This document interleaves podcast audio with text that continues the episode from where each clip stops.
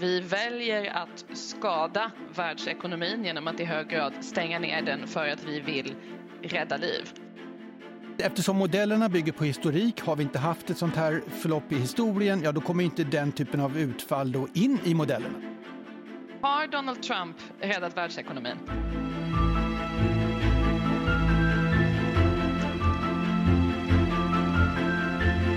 Detta är Molén och Marsal. Det är den 18 mars och eh, vårt förra avsnitt av den här podden spelades in för två veckor sedan. Då var den kinesiska ekonomin i hög grad nedstängd av, på grund av coronaviruset. Delar av norra Italien var det också.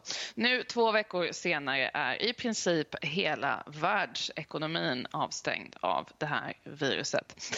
Klas, vad är det som händer? Ja, vi befinner oss ju i historia som skrivs i realtid.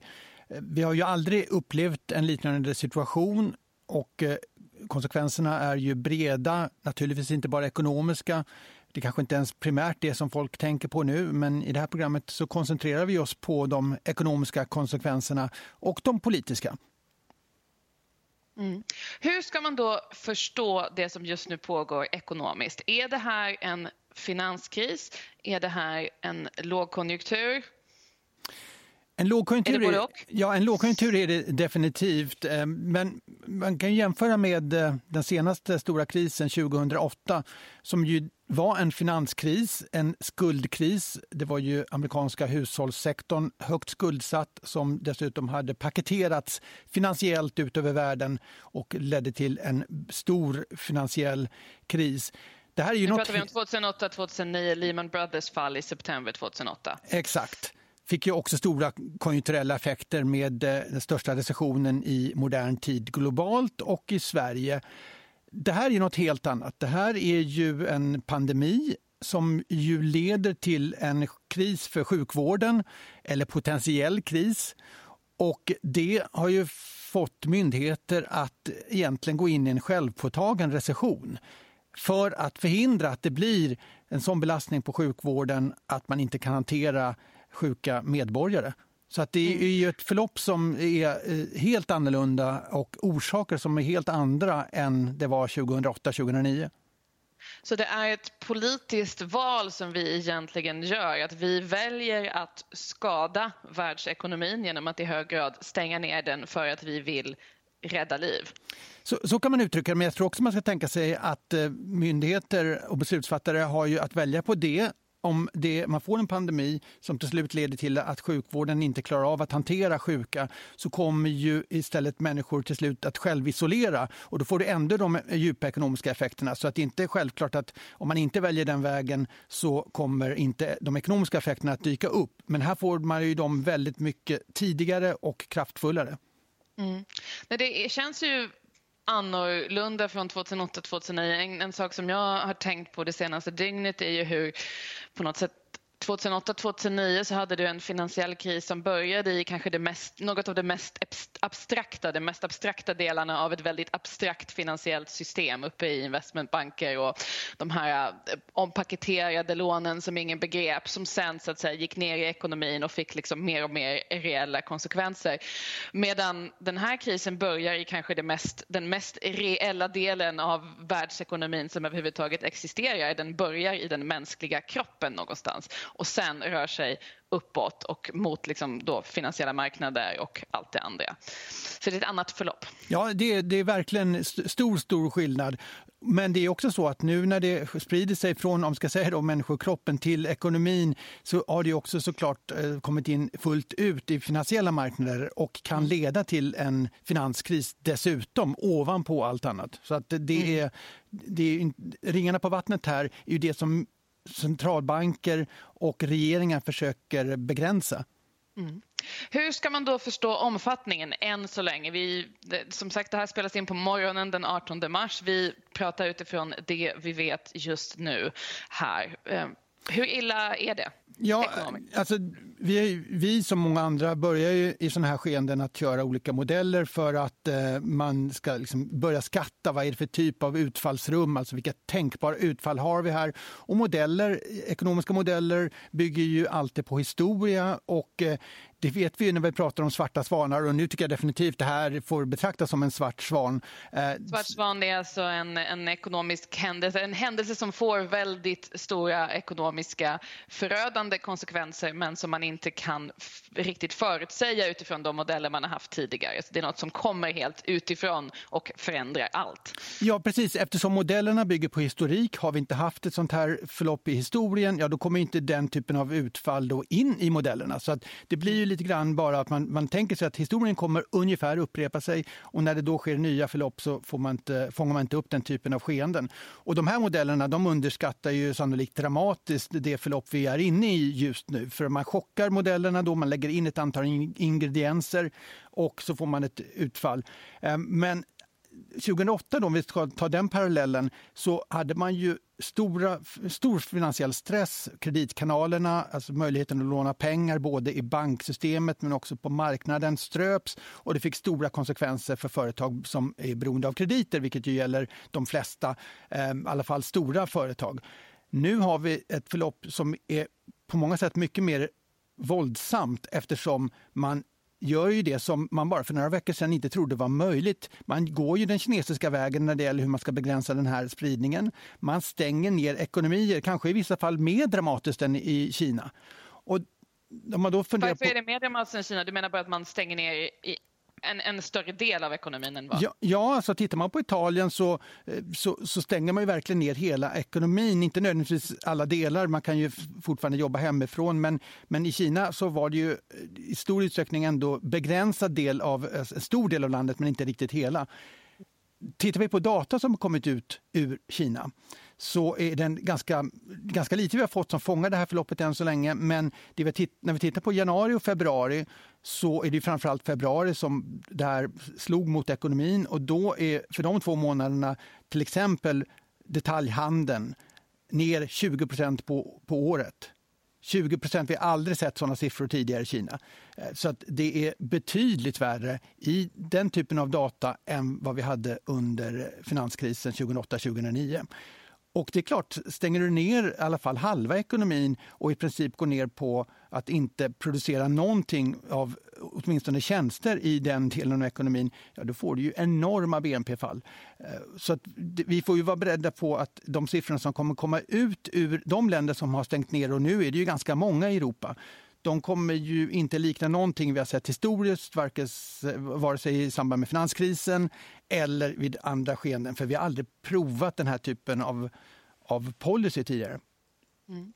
Men då, eftersom det vi i hög grad pratar om här är just det här samspelet mellan ekonomi och politik och om det nu är så som du säger, vilket verkar rimligt att det här är, liksom, det är något helt omfattningen av de här fallen är, är så mycket större än något vi har sett tidigare på grund av att vi stänger ner ekonomier.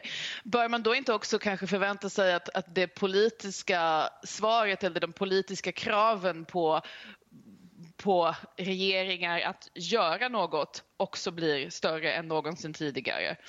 Ja, och det, är, det, ser vi också nu ganska mycket signaler på att det, det, det, kommer att bli. Och här är det ju en otrolig utmaning för myndigheter, alltså centralbanker och regeringar för att vi har ju pratat tidigare om att centralbankers verktygslådor inte är nödvändigtvis helt tomma, men ganska tomma och definitivt betydligt mindre verktyg kvar jämfört med inför finanskrisen 2008. Då hade man... Eftersom räntorna idag är så låga. Räntorna är låga, man har redan använt det här med att köpa eh, obligationer på marknader, alltså använda balansräkningen i stor omfattning och eh, vi har ju tidigare sagt att nu kommer det handla mycket mer om finanspolitik när och om nästa ekonomiska kris kommer. Och ingen anade att den skulle komma redan nu, men nu är vi där. Och det mm. finanspolitiska svaret är ju kraftfullt än så länge. Um, vi vet inte exakt hur kraftfullt det kommer att bli, men det är också ganska stor skillnad mot 2008 då handlade det om att, eh, att rädda det finansiella systemet runt om i världen. Det handlade också om att eh, stötta stora industrier. Så att man kan säga att man, det var stor, stor hjälp till ganska få men stora aktörer.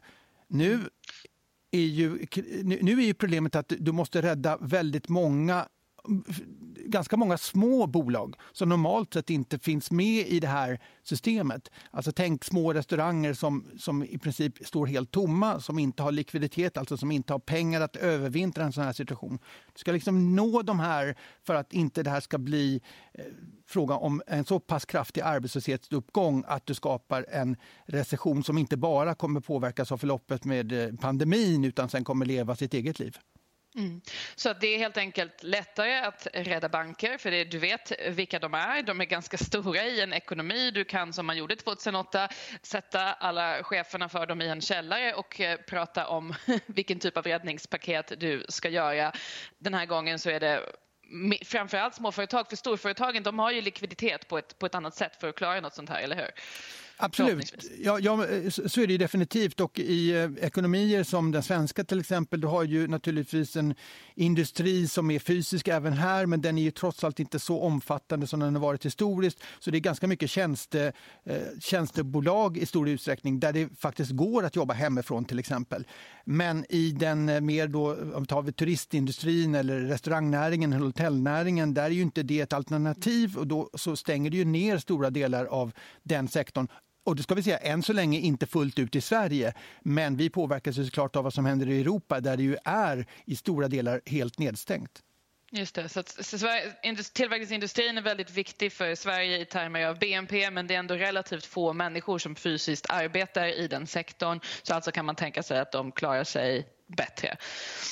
Precis. Eh, men men samt, om man då ska ta in det politiska perspektivet här igen, alltså visst, det, det, är kanske fysiskt lättare att rädda banker eller ekonomiskt enklare att rädda banker om du har en kris som börjar där. Men det är ju på många sätt politiskt svårare och det var ju inte alltid populärt till exempel att få igenom de här räddningspaketen till exempel i den amerikanska kongressen. Det fanns liksom politiska strider runt det här 2008-2009 som jag tror är svårare att se nu för det är svårare att från liksom ett politiskt håll argumentera mot att man ska rädda de här företagen? Ja, det, det, tror jag det kommer vara. Nu är det ju dessutom valår i USA så att här, här är frågan hur mycket politik, alltså partipolitik kommer komma in i det här. Men stora kriser tenderar att göra att det går inte att vara för taktisk utan att man, får, eh, att man upplevs som helt oansvarig. Eh, igår kom ett eh, förslag från president Trump om ett jättepaket över tusen miljarder dollar. Som ska... Ja, låt oss prata om det. Har Donald Trump räddat världsekonomin? Ja, jag tror det är, det är nog alldeles för tidigt att säga. Man kan ju säga då att Trump började ju den här krisen genom att tona ner den. Han pekade ju på att eh, coronaviruset egentligen bara är en vanlig influensa och menar att det här kommer inte bli särskilt dramatiskt. Och det är klart att den initiala approachen riskerar ju äh, äh, det var ju väldigt, ett väldigt spel där kan man säga. För att äh, i den utsträckning som USA går den italienska vägen så kommer ju det där inför valet i november rulla ständigt på, på Demokraternas eh kampanjskärmar. Har han, räddat, har han räddat världsekonomin? Det, det, tror jag inte man kan säga. Det här paketet, då, 1000 miljarder, det är alltså ungefär 5% av BNP i USA. Och det är ju enorma summor naturligtvis, men det är ju inte heller så att det, än så länge är det ju inte antaget av, av kongressen och det, vi vet ju inte alla detaljer. Men det intressanta med det är att vi har ju pratat om eh, helikopterpengar och eh, MMT, alltså den här Modern Monetary Theory tidigare. Någonting Precis. som Förlåt. Helikopterpengar, det skulle ju vara till exempel det här som, som Donald Trump pratar om nu, att man ska helt enkelt för att stimulera ekonomin sätta in från statligt håll tusen dollar eller vad det nu han pratade om på alla människors konton eller vissa människors konton. Det är ett exempel av helikopterpengar. Det, det beror på hur det finansieras kan vi säga då. För jag tycker för att man ska få kalla någonting helikopterpengar då ska ju, i alla fall om, ska, om, om det verkligen ska vara det, då ska ju det här sen finansieras av centralbanken och egentligen inte så att säga eh, vara eh, eh, skuldfinansierat. Nu kommer ju det här vara en kombination för att mm, sam, okay. samtidigt som man föreslår det här jättepaketet för bara några dagar sedan så kom ju Fed ut och sa att man kommer köpa 700 miljarder av stats och bostadsobligationer, alltså statsobligationer, precis det som kommer spruta ut från amerikanska staten eftersom de behöver finansiera räddningsaktioner. Och eh, de, de här de här skeendena är mycket, mycket närmare i tid än vad som var fallet 2008. Då var det framförallt centralbanker som skötte krishanteringen initialt och sen så kom staten efter och kom med räddningspaket. Nu sker de här helt parallellt och då klart att då ligger den här tanken om helikopterpengar eh, mycket, mycket närmare. Och det är intressant det vi ser nu. Just eftersom penningpolitiken och finanspolitiken är så synkade. De är väldigt synkade, de reagerar båda väldigt snabbt eh, och de eh, det, alltså de har ju samma syfte här egentligen. Centralbanken vill se till att det här inte leder till en finansiell kris och dessutom hålla nere räntor och staten behöver låna pengar och vill inte se stigande räntor. Eh, det som är intressant de senaste dagarna, om vi tittar på både räntemarknaden i USA och Europa, så börjar ju den förbereda sig på att det kommer komma otroligt stora upplåningsbehov. Alltså stater mm. behöver finansiera räddningsprogram i en skala som vi kanske aldrig har sett någonsin tidigare. Och det normala när vi ser den här typen av börsfall vi har sett under de senaste veckorna är att man flyr in i statsobligationer, inte minst amerikanska och tyska. Och nu ser vi delvis det motsatta faktiskt. Nu är det fortfarande låga räntor vi ska inte vara alltför alarmistiska här men den reaktionen i räntemarknaden vi ser nu den, den tror jag oro, är oroande för policymakare. Okej, okay, okay, en risk för att det stiger? En risk för att räntor stiger och gör det då dål, eh, dyrare att, att låna upp pengar för, för stater som behöver de här pengarna för att rädda ekonomier. Mm, mm. Men för att hålla fast vid den här helikopterpengar och det här konceptet, för jag antar att det är någonting som det kommer pratas om de närmsta två veckorna. Det, är ju, så det kommer ju från den här idén att man då helt enkelt ska släppa pengar från en helikopter och folk ska stå nedanför och fånga dem och sen gå ut i en ekonomi och spendera dem. Varför varför börjar man fundera så mycket kring det här nu? Liksom? Ja, men jag tror att Om vi bara tar det från början. Absolut. Jag tror att det liksom behövs. Jag, jag tror att att det, det, här är ju någonting som till exempel Bernie Sanders, då, demokratiska kandidaten, har eh, velat ha istället för det man har gjort hittills efter finanskrisen från centralbankens roll, köpa obligationer, det sprider sig till finansiella marknader och gör att tillgångspriser stiger men kommer inte så mycket ut i ekonomin. Att Trump ville göra det här, det handlar ju delvis om att amerikanska sociala skyddsnätet är mycket mindre utvecklat än till exempel det svenska. Och om du ska stänga ner ekonomin, och där är man ju inte i USA än, men om du uppmuntrar folk att vara hemma vid minsta förkylning för att inte sprida smitta, då är det ju en stor del av arbetskraften som inte har något socialt skyddsnät och då är det väldigt svårt för dem att, om man kanske jobbar på timme, alltså få, eh, du, du, får inte betalt om du inte är på jobbet inom tjänstesektorn till exempel, eller delar av tjänstesektorn då eh, behöver du se till att människor får pengar. I slutändan handlar det om att de ska överleva. Så det kommer ju ner till återigen väldigt basala saker. Har, eftersom du inte har det här programmet och det är klart att jag skulle säga att Republikanerna föredrar ju en, den här typen av bombmatta, om vi säger så, eller helikopterpengar om man vill kalla det det, jämfört med att nu snabbt utveckla ett europeiskt socialt skyddsnät som kommer ligga kvar i liksom, överskådlig framtid. Mm. Mm.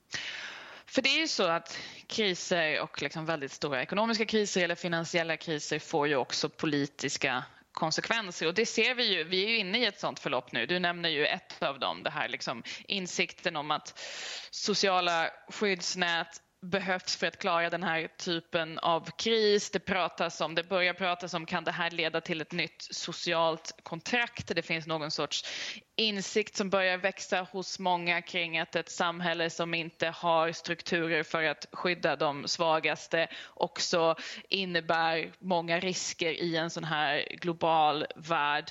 Vilka, vilka, alltså jag vet att det här är väldigt, väldigt tidigt men det är ändå intressant att prata om. Vi tar till exempel Europa och den politiska mekanism vi har här, Europeiska unionen. Där börjar man ju till exempel titta på någonting som var helt tabu eh, tidigare, alltså eh, euroobligationer till exempel.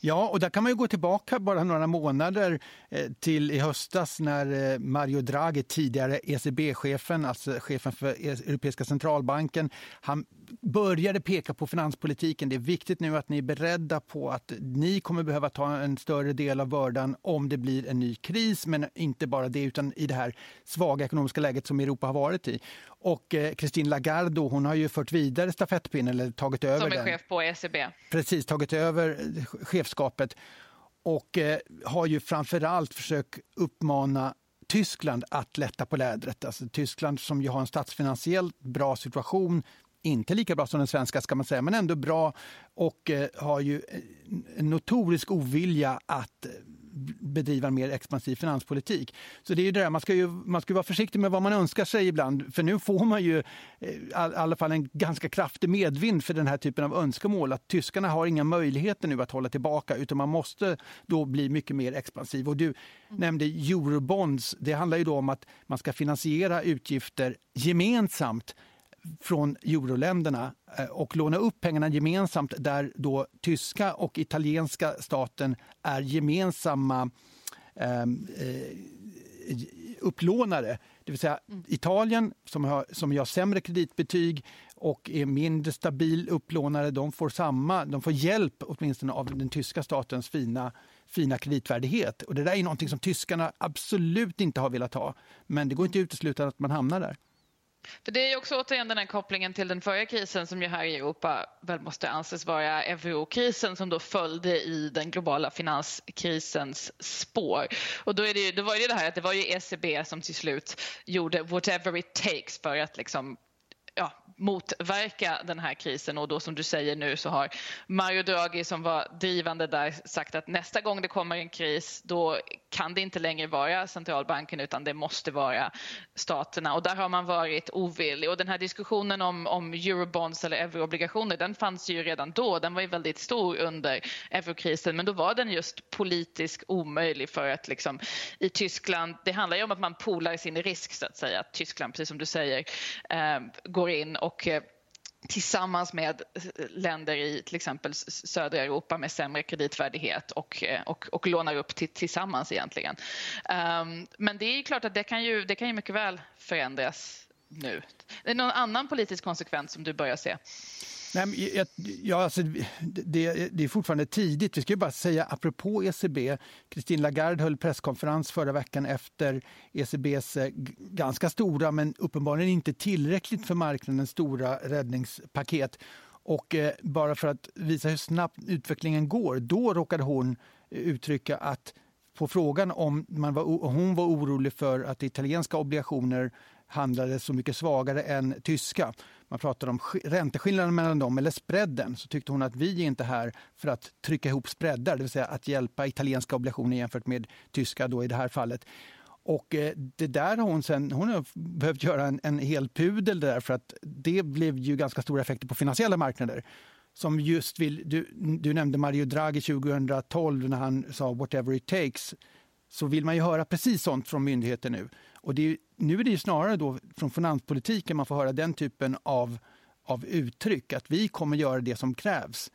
Och förutom alltså då, från politikerna? Från politikerna. Om man tvingar ner ekonomin i recession, ja då måste man också rädda den. Det finns väl en viss logik i det. Men mm. vi ska komma ihåg också att du, du, du, var inne på finanskrisen och, och liksom de problem som det kan medföra att, att rädda både banker och eh, företag det är det här med moral hazard, alltså om det här skapar en beteendeförändring eftersom man vet att eh, någon kommer till slut att plocka upp notan om saker och ting går åt fel håll så kan ju det medföra att eh, beteendet hos ekonomiska aktörer, då, alltså mm. både företag och hushåll egentligen, blir sådant att man till slut hamnar i, i problem. Mm.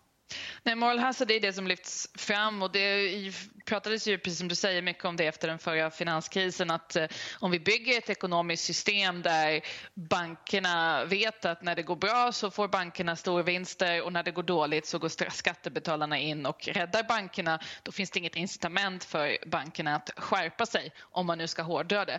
Men frågan är liksom, är det här i så hög grad applicerbart på den nuvarande situationen? Nu handlar det ju, kommer det ju handla om att rädda restauranger och pubbar och mindre företag och människor Ehm, i gigekonomin från en, liksom en, verkligen en svart svan. Det här är ju mycket mer en svart svan, det vill säga en oförutsägbar händelse och liksom ett politiskt val som vi har gjort kring hur vi ska hantera den här händelsen. Kan man verkligen säga att det skapar moral hazard? Ja, nästa gång det kommer en pandemi då vet jag att staten också kommer rädda min restaurang. Ja, men det är väl ett ganska rimligt antagande, det är väl ett ganska bra antagande. Ja, och det, det är ju en avvägning där och den tror jag vissa bedömare kommer att göra eh, mer, alltså, det kommer dela bedömare helt enkelt. Eh, så att i det här läget, och det kan man ju säga också gällde i stor utsträckning under själva finanskrisen, att när det väl är storkris då har man inte riktigt tid att fundera på det utan då måste man först och främst rädda eh, ekonomin.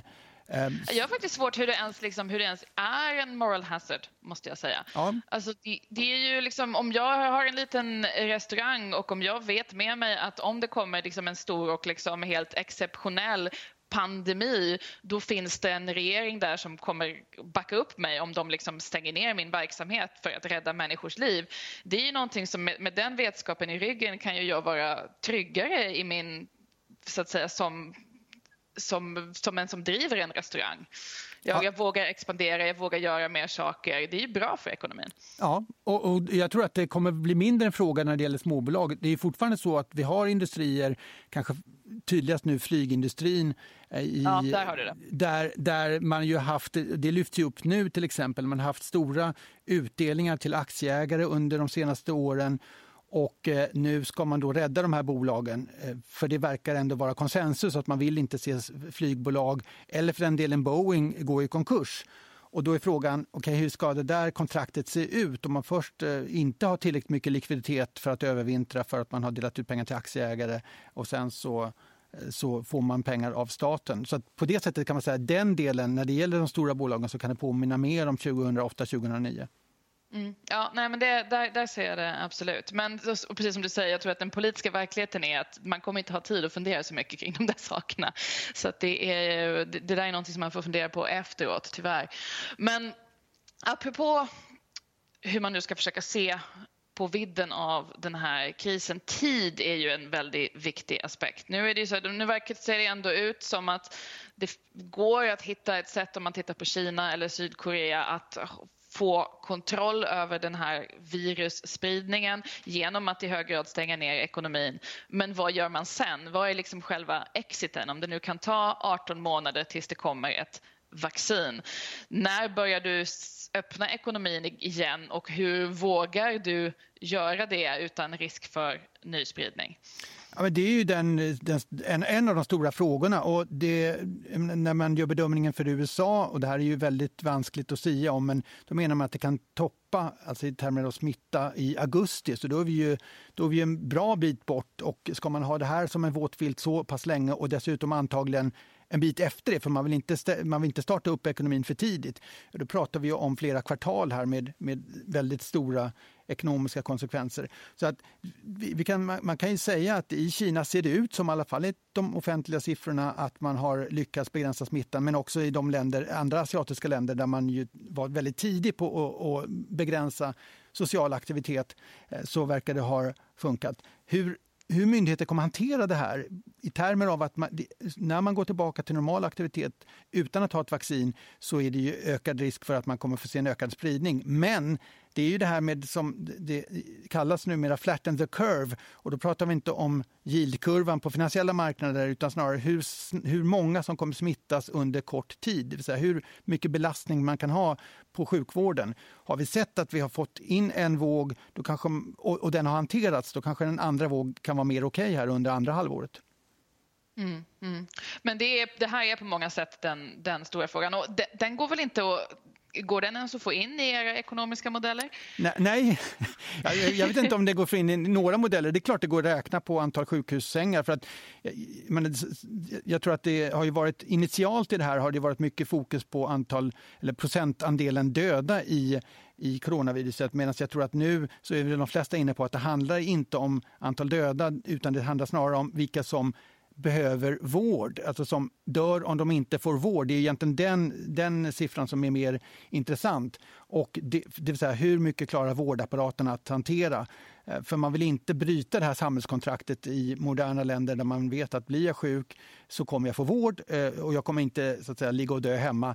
Det får inte hända. Det är just i det perspektivet man ska se de här dramatiska myndighetsåtgärderna. Mm, mm. Ja, så vad, vad tittar du efter nu? för att försöka se vart det, vart det går ekonomiskt? Ja, men jag, jag tycker det första vi, man tittar på är ju just vad händer med själva smittspridningen och där är ju problemet att om vi tar Sverige till exempel så har man ju en annan ambition nu med att täcka det. Man mäter inte lika brett som tidigare, man anser att det här är en eh, samhällssmitta och därmed så, ska vi, så, så har vi inte några aktuella siffror som antagligen korrekt fångar skeendet. Utan man får titta på hur, det ser ut spritt och eh, försöka göra en, en bedömning av när börjar vi se det som vi såg i Kina. För att det som man kan tycka att finansiella marknader eller bedömare generellt har varit väldigt naiva i det här förloppet och inte insett vidden. Men det vi såg i Kina ganska tidigt var att smittalen gick ner ganska kraftigt i termer av procentuell förändring. Det verkade som att man lyckades ganska tidigt begränsa hastigheten. För att det vi ser just nu globalt är att det här än så länge är väldigt exponentiellt. Alltså vi har en hög procentuell tillväxt i det här som gör att om man inte begränsar det så kommer det bli för stort tryck, för snabb ökning för att hela vårdapparaten ska, ska kunna hantera det. Så det är ju kan man säga det som innan vi kan säga någonting positivt så måste vi se att kulmen passeras. För att innan det har skett så kommer inte myndigheter våga fatta beslut om att gå tillbaka till någon typ av normal aktivitet. Mm. Och eftersom vi är i ett så extraordinärt läge gällande ekonomisk policymaking, liksom när, börjar man, när börjar man istället titta på hur fungerar ekonomisk policymaking i en krigssituation? Det har ju redan nu börjat flaggas för, eh, även i Sverige finns väl några som förespråkar en samlingsregering. Så att jag, jag tror att, eh, och Macron var ju ute... Stora förstatliganden. Ja, precis. Macron nämnde ju att man kan ta över företag och, och att man är i krig. Så att, och det är ju ett sätt såklart att få väljare att förstå att nu kommer det vara åtgärder som påminner om krigsåtgärder så att ni måste ha lite förståelse för, för väldigt mycket begränsningar i tillvaron. Um, så jag tycker vi har passerat, precis som egentligen finanskrisen, inte precis som, men, men det är ändå en parallell. Då gick centralbanker mycket längre än vad man skulle trott var möjligt bara ja, något år eller två tidigare. Så gör man ju mm. samma sak nu inom, inom det politiska. Så nu är det liksom extraordinära finanspolitiska åtgärder på samma sätt som det var extraordinära penningpolitiska åtgärder 2008-2009. För det är ju, man tittar på liksom ekonomier under krig, det var ju liksom, i USA accepterade man liksom marginalskatter på 95 procent. Det, det, det, är en helt annan, helt annan grej. Och någonting vi lärde oss av extraordinära penningpolitiska åtgärder från den förra krisen är att de är ganska svåra att så att säga rulla tillbaka sen. Absolut, och på det sättet också ska man ju eh, föreställa sig att det här får långtgående konsekvenser. De är svåra att sia om just nu. Men finanskrisen var inte bara en finanskris utan det ändrar ju strukturen i stor utsträckning på finansiella marknader. Helt andra regelverk som gäller idag jämfört med före finanskrisen. Så det har ju all potential det här att ändra, eh, ändra strukturer i ekonomier. Mm. Så reglerna för nästa fas av kapitalismen och kontraktet mellan marknad och, eh, och politik skrivs just nu. Kan man eh, våga på säga det? Jag tror att man ska ha ett öppet sinne och det har vi ju märkt inte minst de senaste månaderna att eh, man ska inte vara tvärsäker på någonting för att det, det, man överraskas hela tiden. Och om man tycker att myndigheter är snabbfotade nu så var det ju inte några, det var ju bara för några veckor sedan som de inte alls uttryckte den här typen av oro så att det går väldigt snabbt. Mm. Ja, det händer saker och ting hela tiden och man ska ha ett öppet sinne. Historiska dagar och ett historiskt skeende förstås. Du har lyssnat på Molén och Marsall. Jag heter Katrin Marsall. Och jag heter Claes Molén.